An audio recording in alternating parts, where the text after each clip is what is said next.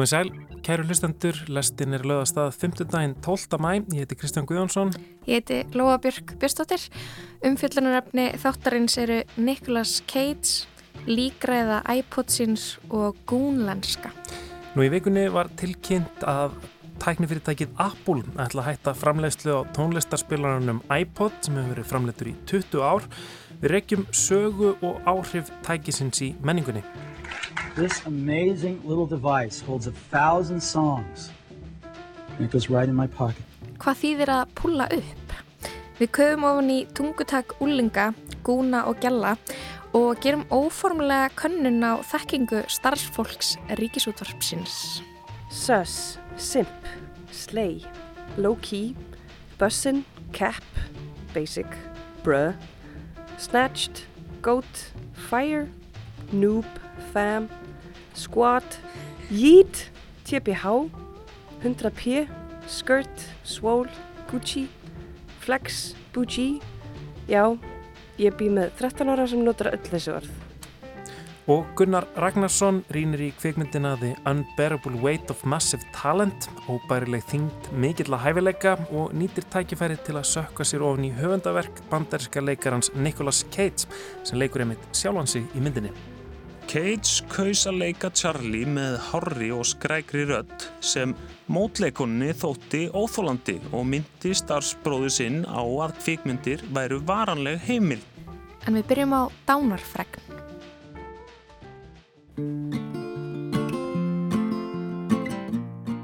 Flytjum ykkur dánarfregn, kæru hlustendur, góður vinur og traustur félagi er fallin frá. Ok, hann er kannski ekki alveg farin yfir móðuna miklu en endurinn nálgast, hann er einungis í líknandi meðferð. Tæknirísin Apple hefur tilkynnt að fyrirtækið ætla að hætta framleiða iPodin eftir rúmlega 20 ár. Love of mine, someday you will die, but I'll be close behind. I'll follow you into the dark, no blinding light, or tunnels to gates of white, just our hands.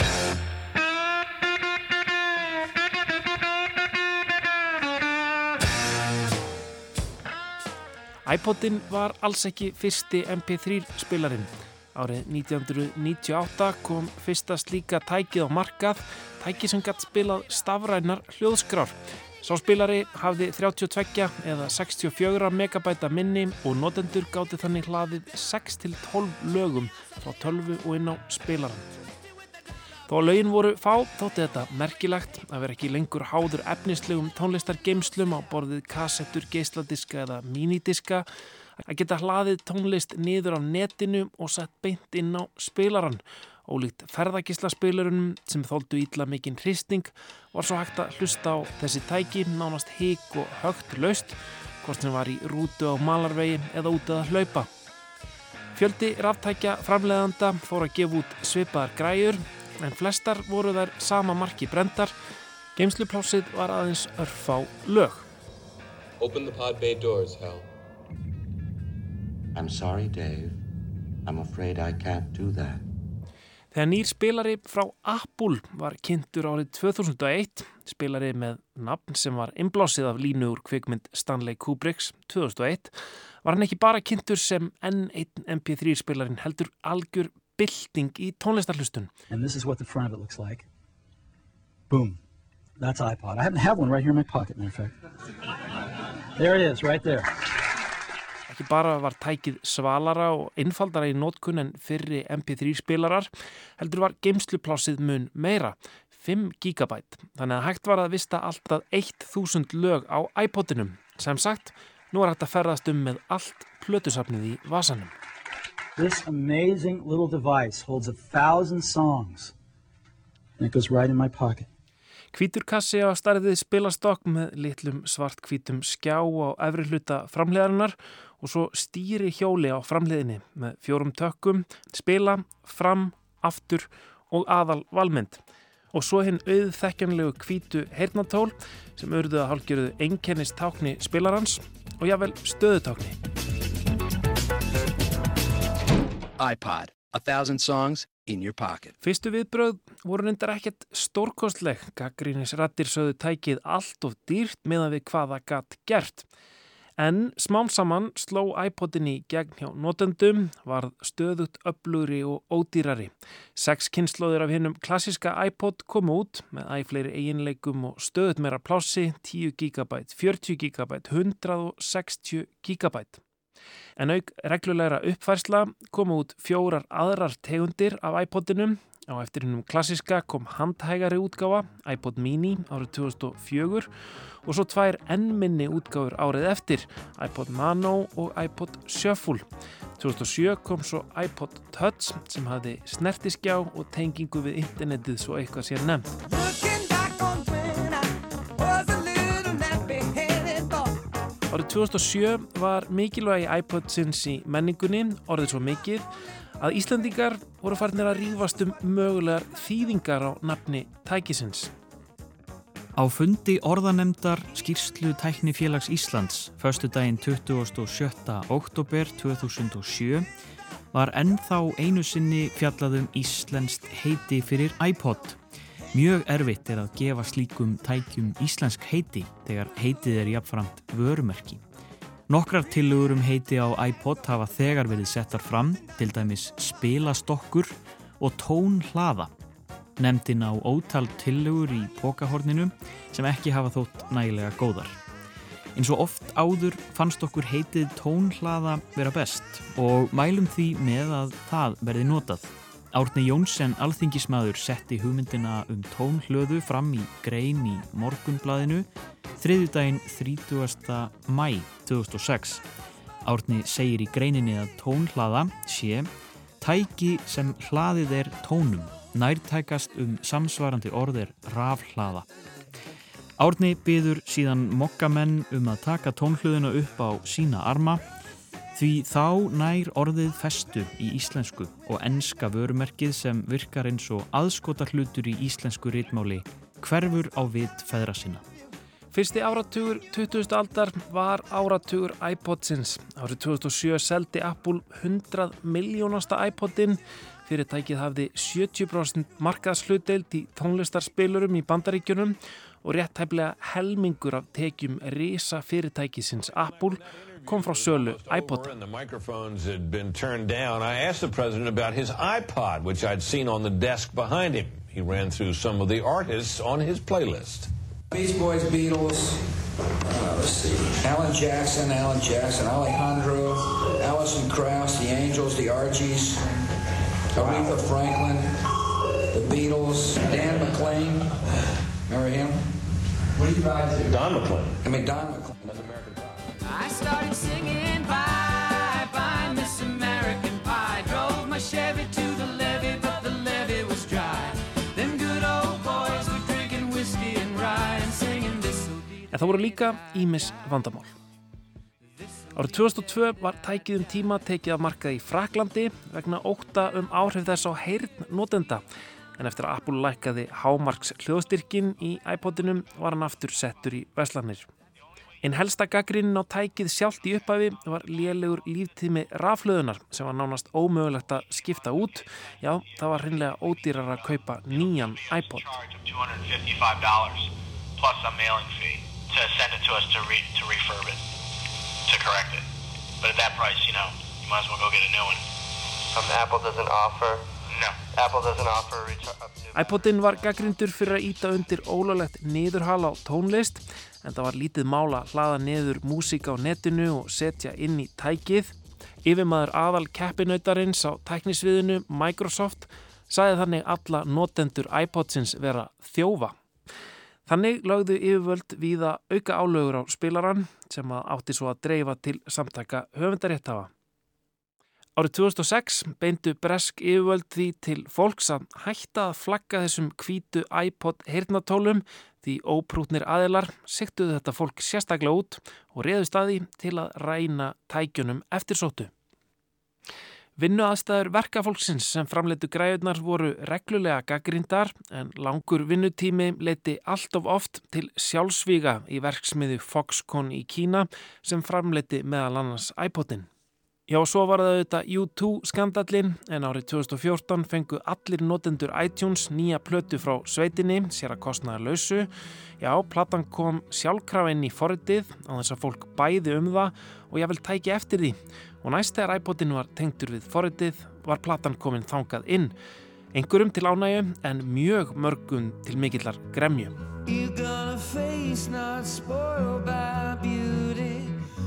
Til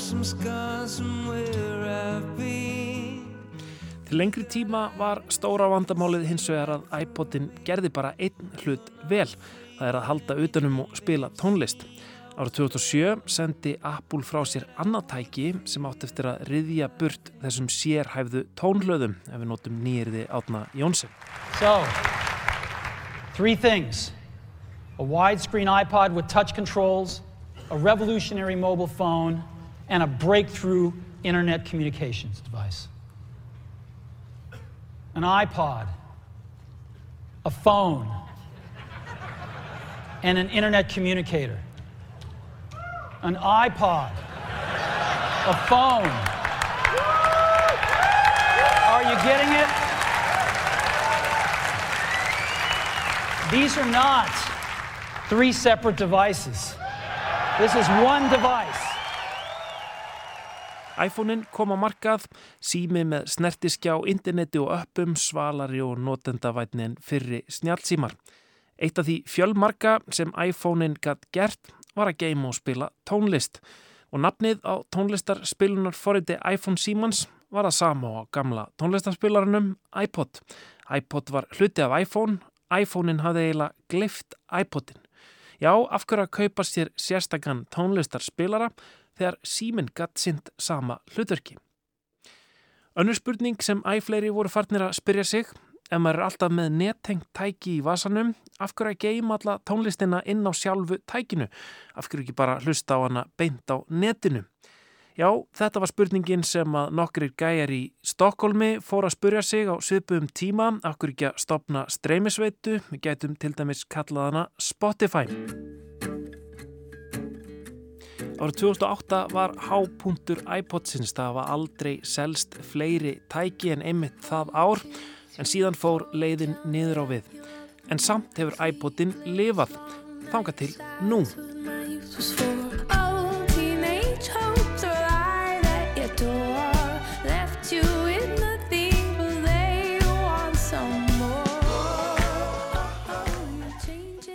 Já, framleiðslu á iPodinum líku brátt og tónlistar unnendur sirkja á samfélagsmiðlum, rifja upp kynni sín af spilaranum og mikilvæg hans í tónlistarneislu þeirra og tilfinningarlífi.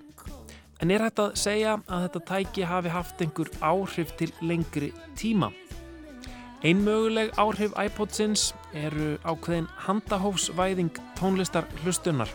Áður fyrir hafi fólk fyrst og fremst hlustað á breyðskífur eða ímiskona sapdiska eða blandsbólur en með því að hafa þúsund lög og jáfnvel fleiri inn á spilarnum en notast við sjöfúltakkan sem stokkaði tónlistin í handahúskenda röð fóru margir að hlusta á gjör ólíka tónlist hlið við hlið í fyrsta skipti og eftir Bach kom Nirvana og eftir ástrálskri frumbyggja tónlist kom þetta.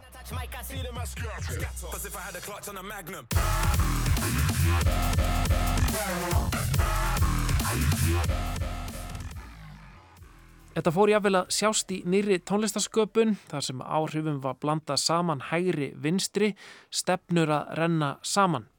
Þetta hefur hins vegar breyst með streymisveitunum, þar er það algoritmin sem ræður, næsta lag er aldrei algjöri andstöðu við það sem á undan kom, heldur yfirleitt í svipari stemningu, eitthvað sem algoritmin telur þú gætir fílað.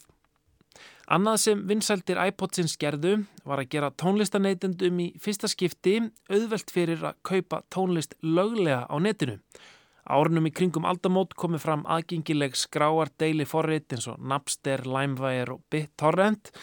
Þar var hægt að nálgast hverskins tölvusgrár en ekki síst tónlist ólöglega og það var lang auðveldasta leiðin til að ná í tónlist á netinu. Árið 2003 kom Apple hins vegar á fót vefverslun þar sem var hægt að kaupa tónlist, nýja sem gamla beint í gegnum iTunes og þannig hlaða svo beintinn á iPodin. Og þetta gekk upp. Þvert á hraksbár í upphafi ár þúsundarins var fólk tilbúið að borga fyrir tónlist svo lengi sem aðgengið væri betra en á ólöglegu niðurhalsíðunum. Á iTunes þurftu tónlistarundandur svo ekki lengur að kaupa heila geisladiska með tólu lögum til að nálgast eina lægið sem þeir vildu heyra, heldur gáttuður keft stök lög, 99 bandarík sent stikkið Og þannig hefur þróunin svo verið, vægi breyðskjöfunar hefur áfram minkað og tónlistafólk gefur út stök lög á netinu. Jável þannig að ungir tónlistarhlustendur vita jável ekki hvað plata er. Já, merkilegt með Ed Sheeran gefur ekki út neitt í marga mánuði og svo tólf lög á einu bretti. Vá! Já, framlegsla á iPodinum líkur brátt við hverjum góðan vinn sem hefur verið með okkur í 20 ár rúmlega. Og þó að iPodin hafi verið framtíðarlegur þegar hann kom fyrst fram, þá er það ófullkomleikin sem fólk saknar hvað mest. Eins undarlega á það hljómar, þá eru það yfirleitt takmarkanirnar sem fólk saknar við eldri tæki. Nú sakna ég tímans þegar ég gætt farið út að ganga með tónlist án þess að vera í náanlegur á Messenger eða Whatsapp eða Instagram eða í Síma. Ég saknaði þess að þurfa að velja hvaða tónlist ég tæki með mér í ferðalag, frekar en að geta nálgast alla tónlist heims á hverju einasta augnabliki. En ég er vissum að það er einhvers konar líf eftir dauðan, alveg eins og takasímin hefur aldrei alveg horfið, alveg eins og vínilplattan snýri aftur, þá held ég við munum hitta þennan gamla góða vin okkar aftur síðar, einhver tíman, einhver staðar aftur. Ay, ay. El que esté libre de pecado, que tire una piedra y yo tiro un peñón.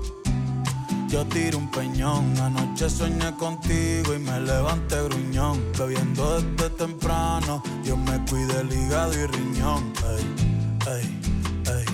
Extrañando todas las noches de caverna y miñón. Ahora eres de fuego como el gatañón.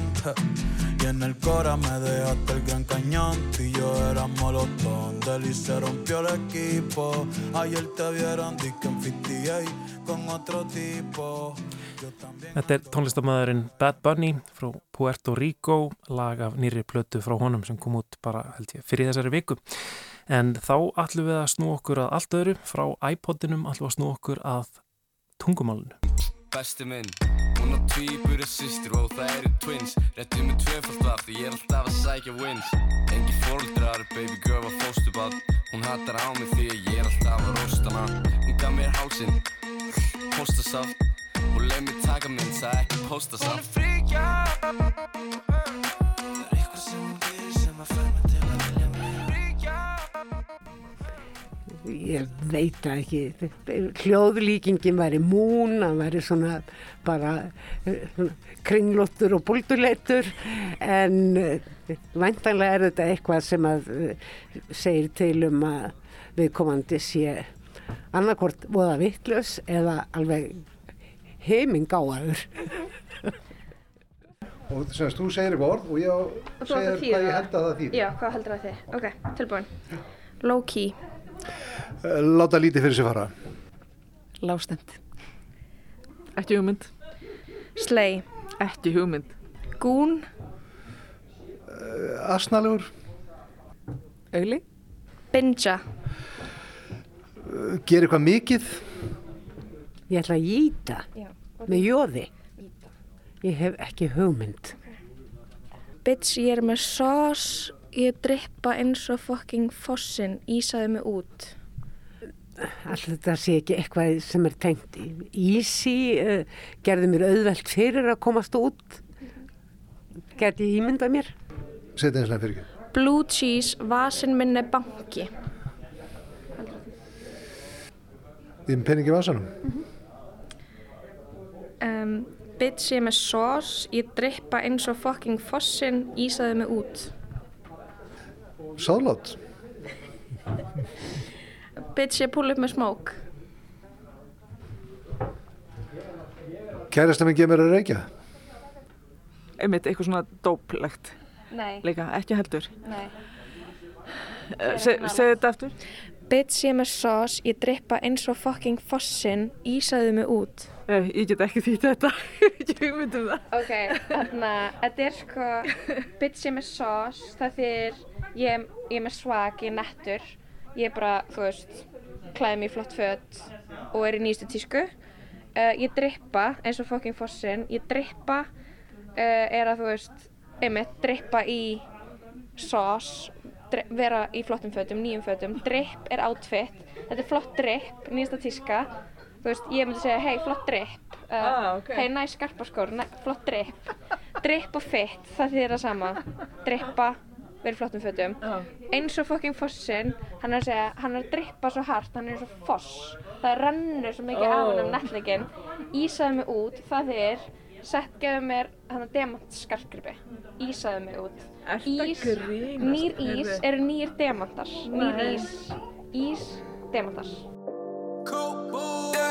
Nýr ís á úluðinn, frí, frí við úluminn Nýr ís á úluðinn, frí, frí við úluminn Nýr ís á úluðinn, frí, frí við úluminn Nýr ís á úluðinn, nýr ís á úluðinn Við fengum tvítuða rapparan Daníl til okkar í lestina í gær og reyndum að þýða orð úr textunum hans. Byrjum bara á byrjunni, bara hvað þið er að púla upp. um, púlu upp um, það er bara að mæta um, ég held að sé, já, það er bara að mæta eitthvað púlla upp er að mæta. já, bara ég er að púlu upp það er bara ég er að koma Þið er aldrei að púla upp til þess að, út af því það er eitthvað vesen líka. mm, ég, ég Að ég púlla upp á þig. getur og getur alveg, jú, jú eðst, fólk segja líka en ég held að þetta skilur ég er að púlu upp, ég er að koma Ok. skilurðu. ekki eitthvað koma púlu upp á eitthvað skilur Að púla upp á okkur, þið er annað en að púla upp. Er já, upp á okkur það er, sam, að það er bara að mæta skilur Mæta út, út af ykkur. Já, er bara mæta bara, veist, skilur mamma einn beður um að koma heim, bara ég er að púla upp Ok. bara ég er að koma Beef. Beef er náttúrulega bara beef, sko En ég veit að þú getur ekki sagt beef er bara beef. Hvað er beef? Beef. Eða þið vilja beef. um, bara lókið að það vilja vesen, sko Eða vilja vesen. Já, Beef er vesen. Er beef ekki uh, útistöður? Við erum að beefa, við erum eitthvað ósáttir. já, já Ef við spurðum úrling hvað þýðir low key, getur svari verið low key þýðir bara low key. Það er bara ekki til eitt íslenskt orð sem merkir það sama sem fangar merkingu low key nógu vel. Úlingar eru með fjölbreyttan orðaforða sem getur virst eldri kynsluðum óskiljanlegur. Þetta er oft slettur og tökuorð úr ennsku, orð sem koma til þeirra í gegnum netið, tölvuleiki, pop og rap tónlist, sjómanstætti, bíómyndir, samfélagsmiðla eins og TikTok og Snapchat, mýmsíður og svo framvegis. Það getur reynst fóreldrum erfitt að skilja börnin sín fullkomlega. Ég rakst að þráð í Facebook-hópnum Mæðratips sem er vettfangur fyrir mæður til að fá ráð og deila hagnýtum upplýsingum. Þar skrifaði konan okkur Hjálp, vantar dæmi um slangur sem úlingar nota í dag. Hún útskýr ekkert frekar í hvaða tilgangi hún var að leita að þessum orðum en það stóð ekki svörum. Um 200 aðtöðsendir bárust með alls konar slangri. Sumar töldu upp orð og aðrar höfðu fyrir því að þýða þau líka. Að vera geitin sem kemur af GOAT, Greatest of All Time og FOMO sem ég nota reyndar sjálf. Annars er ég alveg að detta út úr slangrinu. Tí, slúður, minni mig. Einhver lífaði, einhver fór að ná mörgum vjósum, fá mörg áhorf, til dæmis að Snapchat. Bífa, slagsmál. Sus, simp, slay, low key, bussin, cap, basic, bruh, snatched, goat, fire, noob, fam, squat, yeet, TPH, 100p, skirt, swole, Gucci, flex, bougie, já, ég bý með 13 ára sem notar öll þessi orð. ship ekki saman, þau passi ekki saman sem par. Og að seita held að sér slangur yfir að drífa hlutina af eða eitthvað þannig. Letsa, sössus, grunnsanlegur. Cringe, sliving, simp, að simpa, slay, eitthvað sem er geggja. Bussin, þessi steik er bussin því að steikin er mjög góð. Þetta eru orð sem úlingar nota til að lýsa sínum veruleika. veruleika sem við sem eldri erum tilherum ekki og kannski ættum við ekkert að reyna að skilja þau. Og það var mikið aðtöðsandum á borð við ég er miðaldra, ég skil ekki neitt, getur einhver þýtt þetta fyrir mig? Þetta voru þær Helena Björk, Bjarka dóttir og Edda Marín Ólafsdóttir á rás 2 í morgunútvarpinu og þarna kom fyrir orðið sjómli eða sjómla en orðið sjómli í kvenkinni sjómla er ekki að finna í íslenskri orðabók en er talsvert notað í óformlegu máli. Orðið er afbökun á gamli eða gamla, gamli í merkingunni félagi og er í, er í raun notað í samtölum við vini á öllum aldri.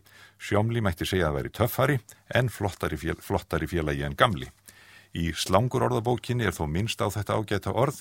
Það er til, er til dæmis að finna orðið sjómli sjóm sjóm sem merkir nettasti gaurin á svæðinu. En reykjum á vinseldir orðsin sjómli til smáskífu Fridriks Dórs, Auðuns, Blöndal og Sveppa frá 2011 sem heitir sjómli. Ég heiti Helga Hilmisdóttir og ég vinn á stopnun Árna Magnússonar í Íslenskum fræðum og ég er að rannsaka unglingamál. Ég er málfræðingur. Málfræðingur, já. já ég starfa orðfræðisviði. Hver erstu búin að koma stað? Stórspurning. Já, það er kannski fyrst og fremst að unglingar, þetta er náttúrulega mjög fjölbreyttur hópur, alls konar fólk mm -hmm. og, og það er ekki þetta að tala um eitt ákveð unglingamál. En það er kannski þetta að tala um svona ákveðin, ákveðin stíl sem að unglingar tilenga sér oft. Og hvernig rannsakar unglingamál? Ég tala við unglinga og tek upp samtöl. Bæði, e, bæði sagt, fór ég út í skóla og svo bæði ég e, unglinga um að taka upp heima hjá sér samtöl. Ég vil eitthvað svalur maður. Það er rétt. Ég er með kalbletti á höndum og fótum. Ertu slakur? Já, ég er lamaður, bundin í hjólastól og í kóma. Jöfull, ertu grillaður maður? Já, ég er með þriðjastegs bruna um allan líkamann. Hei, þú geðugur! Já, það er alveg rétt. Ég er suicidal paranoitu geðklófasjúklingur. Hei, þú ert feiktastur! Já, ég er offitu sjúklingur. Þú ert kallt náungi! Ég er aðsti prestur í mínum eigin sértrúarsöfnuði. Þú ert nettur gaur! Ég er með anorexi. Hvaða orð erstu búin að læra? Ég hef búin að læra ímislegt, til dæmis slei. Mm -hmm. Hvað því slei? Já, það er nú frekar að þú útskýrða það. slei. Uh, slei þýðir bara slei. Eins og uh, þannig er ég farin að hugsa þetta að sum orð er ekki til á íslensku. Nei. Það er að skilja hvaðan þau koma mm. og, og, hérna, reyna að útskýra þau en einhvern veginn það er ekki að þýða slei. Slei væri náttúrulega að, hérna, að drepa eitthvað. Já. Slei og, hérna, og slei er þá um, þegar eitthvað er svo frábært, eitthvað er svo æðislegt Mhm. þú hérna, ert í saðir eitthvað svo, finn, eitthvað svo rétt eða þú ert í svo góðu átfitti eða drippi eða fitti Já. þú ert svo vel til höfð að, vatna, að það er slei Já, ummitt. Er, er þetta ekki, ekki svipað skilningur þú hefur? Jú, ég held að þú komir að, að komist annars í nálægt þessu sko. Mhm.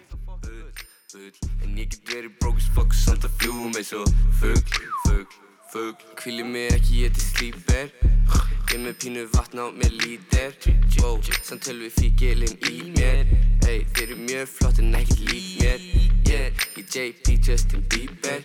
Yeah, allar línur á eins og símaver Hvart að tala um ég er kýper Oh, polo hestur á mér, hún vil ríða mér. Yeah.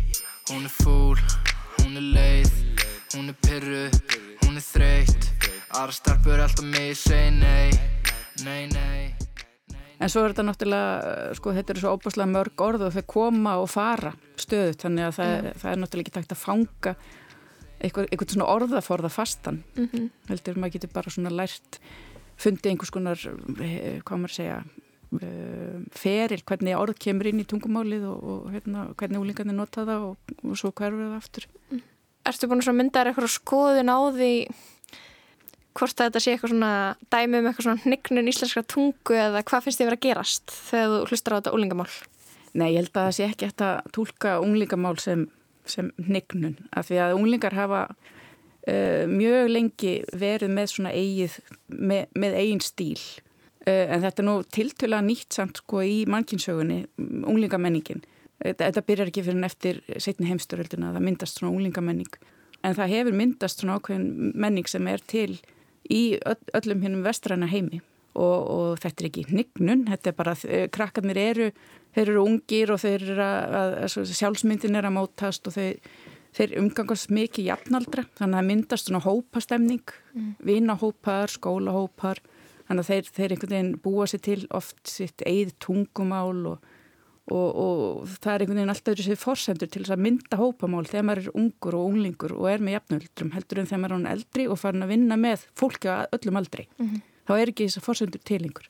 Ok, það er áhugavert. Það er svona, ég heyri svo mikið hvarta yfir eitthvað úlinga tala mikið ennsku. En Mhm. svo, þú veist, og vissulega er þetta mjög mikið tökurur ennsku, slettur og eitthvað svona. En, en þetta er samt, í grunninn er þetta íslenska. Já, já. Og veist, hvernig, hvernig þau tala, veist, og og hvernig þau farin að beigja ennsku orðin og, og eitthvað þannig. Mm. En það er bara svona svo, heimurinn þeirra, samingi þeirra, Já. hann er á ennsku. Það eru tölvuleikinir, það eru sjónvastættinir, Mhm. tónlistin, þau eru að spila, þau eru að chatta, þau eru að spjalla Já. og uh, þau gætu faktist séð ekki fundið íslensk orð eða íslenska hliðstæður fyrir ótrúlega mikið af þessu sem þau eru að lýsa Mm. þau eru ekki til þessu orða íslensku Mhm. og þetta er einhvern veginn fyrir bara eins og vorum að tala um hérna frammi áðan strík á Snapchat og ég var að segja hvað FA, FFA er sem er Private Flex Story Já. sem bara ég og þú, við myndum aldrei þurfa að segja þessi orð FFA, Private Flex Story eða, eða vera með strík út af því að við erum ekki á Snapchat við erum ekki að reyna að senda okkur um daglega mynd til Mm. þess að stríkið eyðist ekki Mm. við erum ekki að skoða views á Flex Storyið Já. þannig að það er bara svona ef engin annar þarf að nota þetta engin fullorðin sem að Já. vippar og sýfur á íslensku hvernig eiga þau þá að Mm. tjásu öðruvísi Nei, nei, einmitt. En svo er náttúrulega þýða stundum uh, viss orð eins og, meina þessi orð eins og, eins og að kalla vinni sína king eða queen. Mhm. Uh, maður heyri líka kongurinn, uh, þeir eru að ávarpa konan kongur og, og, og stelpun að nota uh, líka íslensk orði drottning stundum. Já, og þau, og þau þýttu GOAT sem er greatest of all time, GOAT yfir Já, geitin einmitt. og þá ertu geitin Blinda, blinda Binja, binja Binja, binja Binja, binja Binja, binja Binja, binja Binja, binja Binja, binja En hefur eitthvað tímann labbað inn í kennslustofu í grunnskóla og kennarinn sem er alltaf með úlingunum segir getið þið lóki hægt að tala? Jú, jú, jú, jú. Auðvitað og, og það er náttúrulega, hérna, kennarar eru nú oft mjög góðir í þessu. Bara einhver svara rétt á starffræðiprófi slei Já, einmitt. Bara go, geit, þú veist geit að vita svarið. En svo er uh, meiga kannski ekki alltaf nota þessu orða því að, að, að krakkarnir fá bara auðlarroll þegar Það er málið, sko, þú átt ekki að, að ég, f- ég fattaði svona að litlu frængu frængu mínar voru orðnar úlingar og áleitu mig klálega vera fullorðna. Uh, þegar ég segi, ok, þetta er iconic Já. og það er eitthvað iconic. Uh, fannst svo hallarslegt ég hefði sagt það. Já, þú afkúlaðir orðið. Já, en, en svo fóreldra mínir sem eru 60, þeir nota mjög mikið beila Já. og ég bara, þú átt ekki að segja beila þú átt að segja eitthvað sem hættur við. Já. þú getur ekki sagt, æjan afiðin beilaði. Ég bara, nei, afi beilar ekki. Nei. afi bara kemst ekki. Já, einmitt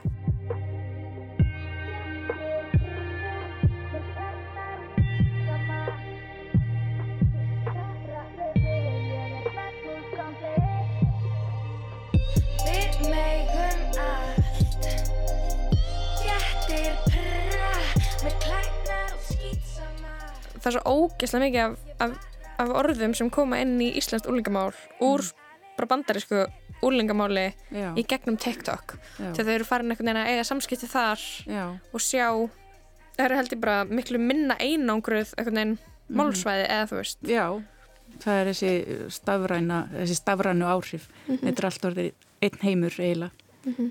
og líka bara svona mím þau hafa ótrúlega mikil áhrif líka og stutt myndbönd á YouTube Mhm. Og, og náttúrulega TikTok. Mhm. en það hefur þetta áhrif líka held ég á framburðin það er orðið miklu algengara til dæmis að, áður fyrir uh, bar fólk fram ennsku orðin bara á mjög íslenskan hátt og sögðu crazy. En núna ef fólk verður að segja crazy.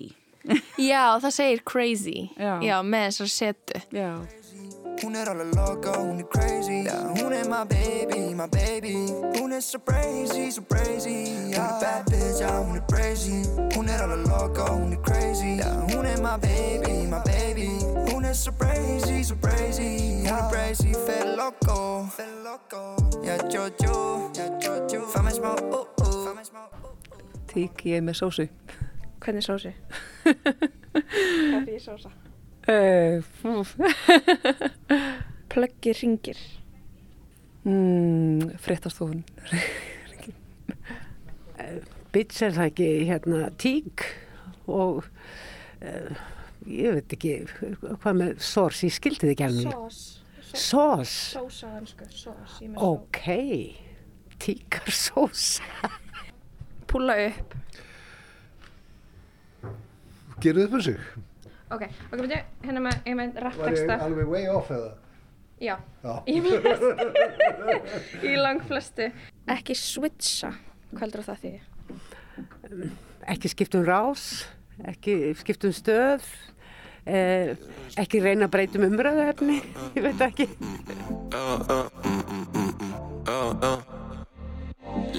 Mm, mm, mm, mm, mm, mm, mm, mm, mm, mm, mm, mm, ah.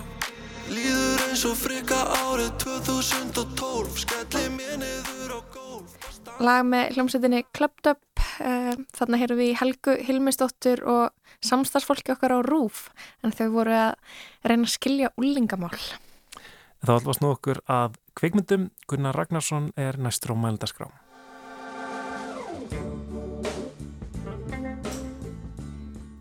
Maður í slöngu skins jakka með blindandi hvítt brós og gull skambisur í slíðrum krýpur við altari þessbissar.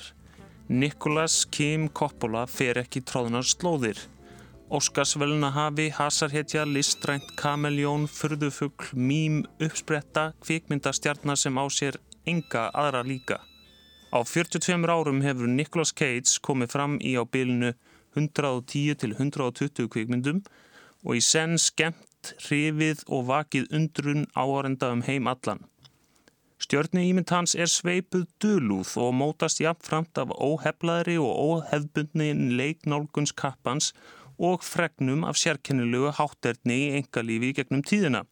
Undan farin áratug hefur tækifærum í mainströms framleiðslum farið æg fækandi fyrir Cage sem hefur brugðist við með linnuleysu vinnuframlægi og framkomu í ógrinni allskins ódýra kvikmynda. Gjaldþrótt kappans árið 2009 tótti lengi við vera eina skýringin á ofvirkninni en nú orðið þykir ljóst að leikarinn lítur á vinnuna sem lífsleið. P-myndaströymurinn hefur haldist í hendur við gríðarlegar vinsaldir YouTube-myndbanda með titlum eins og Nicolas Cage Losing a Shit sem eru gjarnan samingislust samansatna af yktustu og hávaristu augnablikum á leikfyrli Cage sem hafa ítt enn frekar undir kvöld áru leikarans. Hlýðum á brot úr henni almrændu kvikmyndu Wickerman þar sem Nicolas Cage hittir fyrir bíflugur nokkrar. What is that? What is that? What is it? Oh, no, not the beast! Not the beast! Ah! Open my eyes! Eyes! Ah!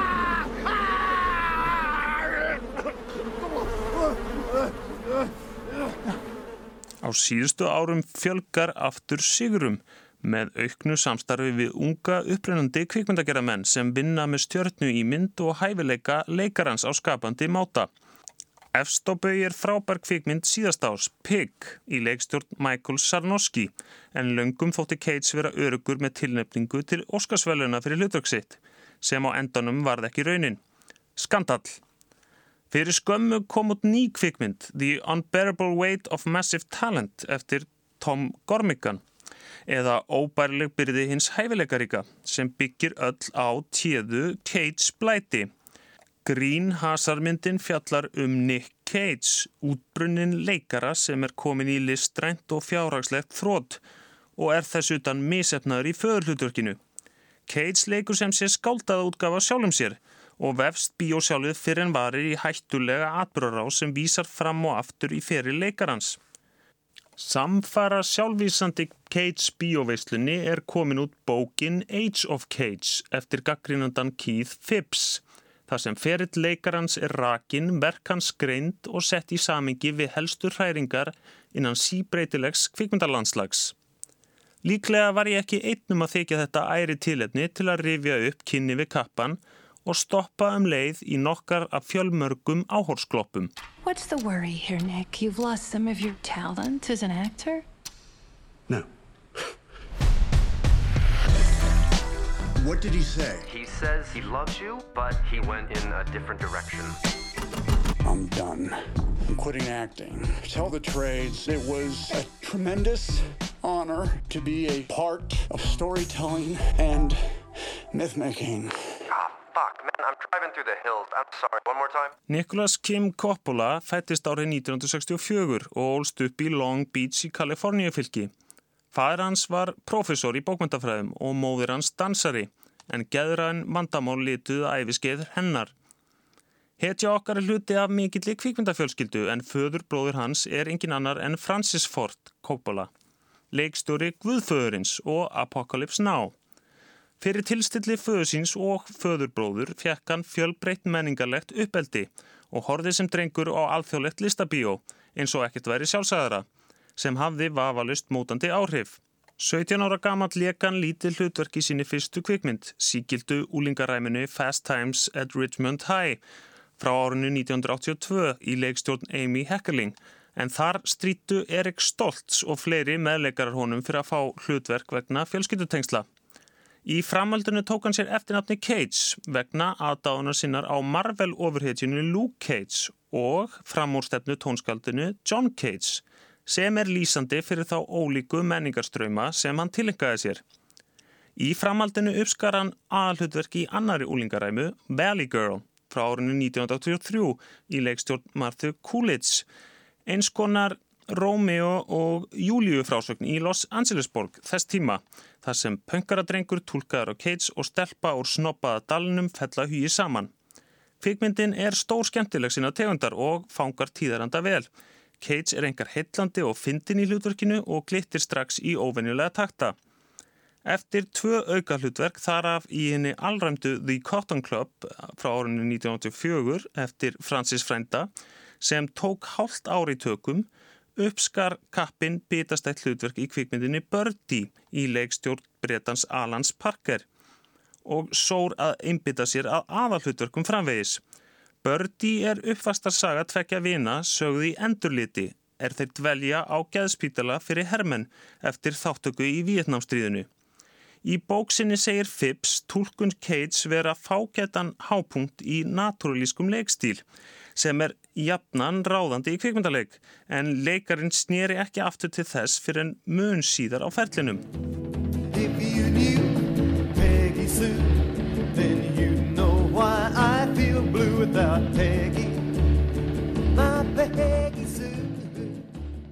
Tólkun Cage á Charlie Baudel í Peggy Sue Got Married frá árinu 1986 í leikstjórn Francis Frenda Coppola má sjá sem beint viðbragð við naturalisma Birdie og fyrstu tilrun hans til að sprengja það vanabundna í loftu upp.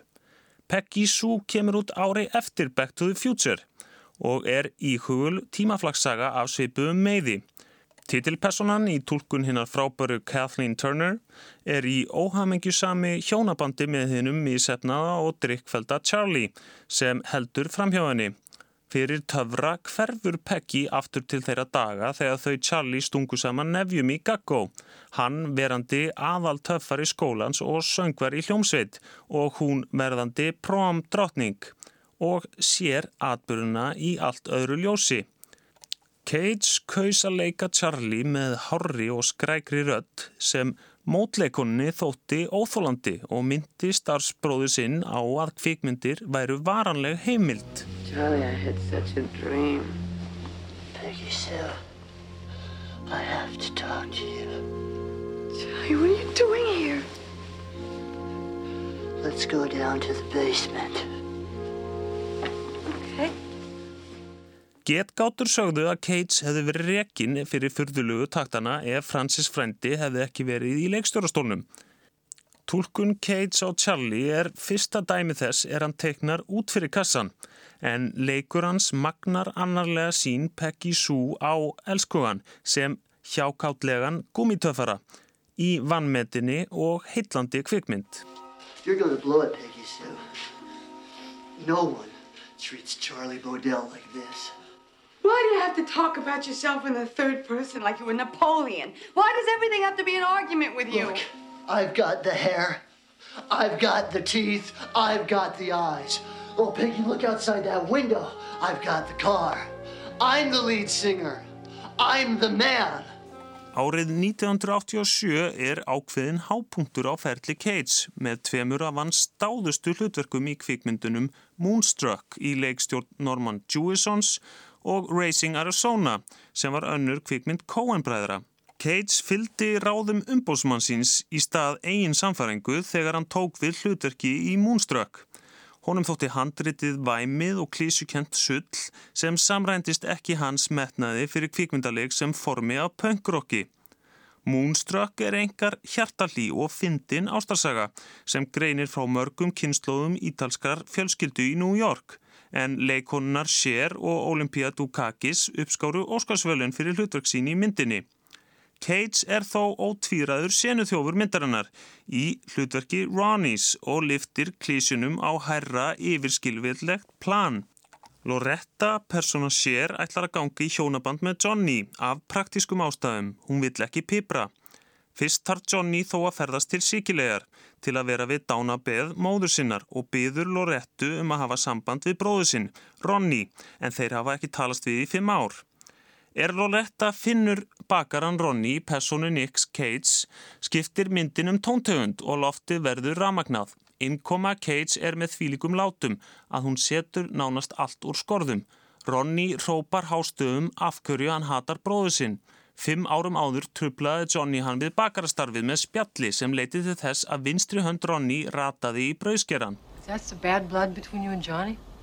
Yes, that's it. Yeah, but I, that's not Johnny's fault. I don't care. I ain't no freaking monument to justice. I lost my hand. I lost my bride. Johnny has his hand. Johnny has his bride. You want me to take my heartbreak, put it away and forget? Ég misti höndina mína, ég misti brúðina mína. Öskrandi horfir og bendir Cage á upprétta viðarhönd sína í dramatískri stellingu. Með handarhefingunni vildi Cage líka eftir augnabliki úr Metropolis frá árinu 1927. Góðsakna kendri vísindaskáldsögu í leikstjórn Fritz Lang og kom þar með þýskum ekspressionisma inn í söguheim myndarinnar. Stílbröð þýska ekspressionismans áttu innreið í Hollywood fjörða og fymta áratögarins með flótta þýskra kvikmyndagerðamennar frá nazismannum en íkt og hádramatíst lábræð leikara þöglum kvikmyndana hafði lítil áhrif út fyrir verkin sjálf og því til marks um hugmyndaauki og ævintýramennsku Cage. Cage hafði þó aðra fyrirmynd í hlutverkinu en það var Jean Marais í hlutverki dýrsins í Fríðu og dýrinu frá árunni 1946 eftir Jean Cocteau. Marais talaði með afar hljúfri og hásri rödd sem Cage líkti eftir fyrir Ronny, svipuð hugmynd og í Peggy Sue Got Married en Jewison leikstöri baðan um að sleppa röddinni þegar rúmvika af tökum var yfirstæðin. Mes roses.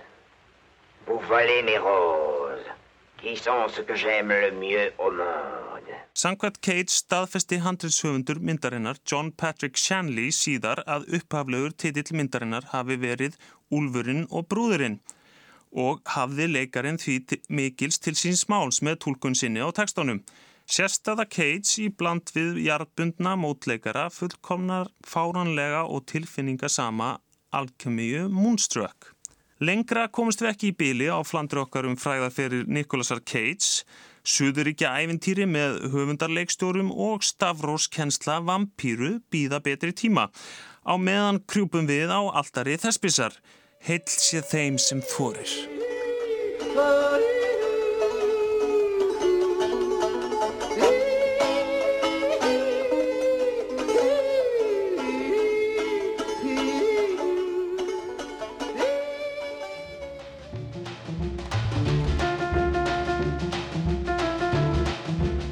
Gunnar Ragnarsson rætti um myndina The Unbearable Weight of Massive Talent og uh, höfundaverk uh, Nicolas Cage, þess merkilega leikara.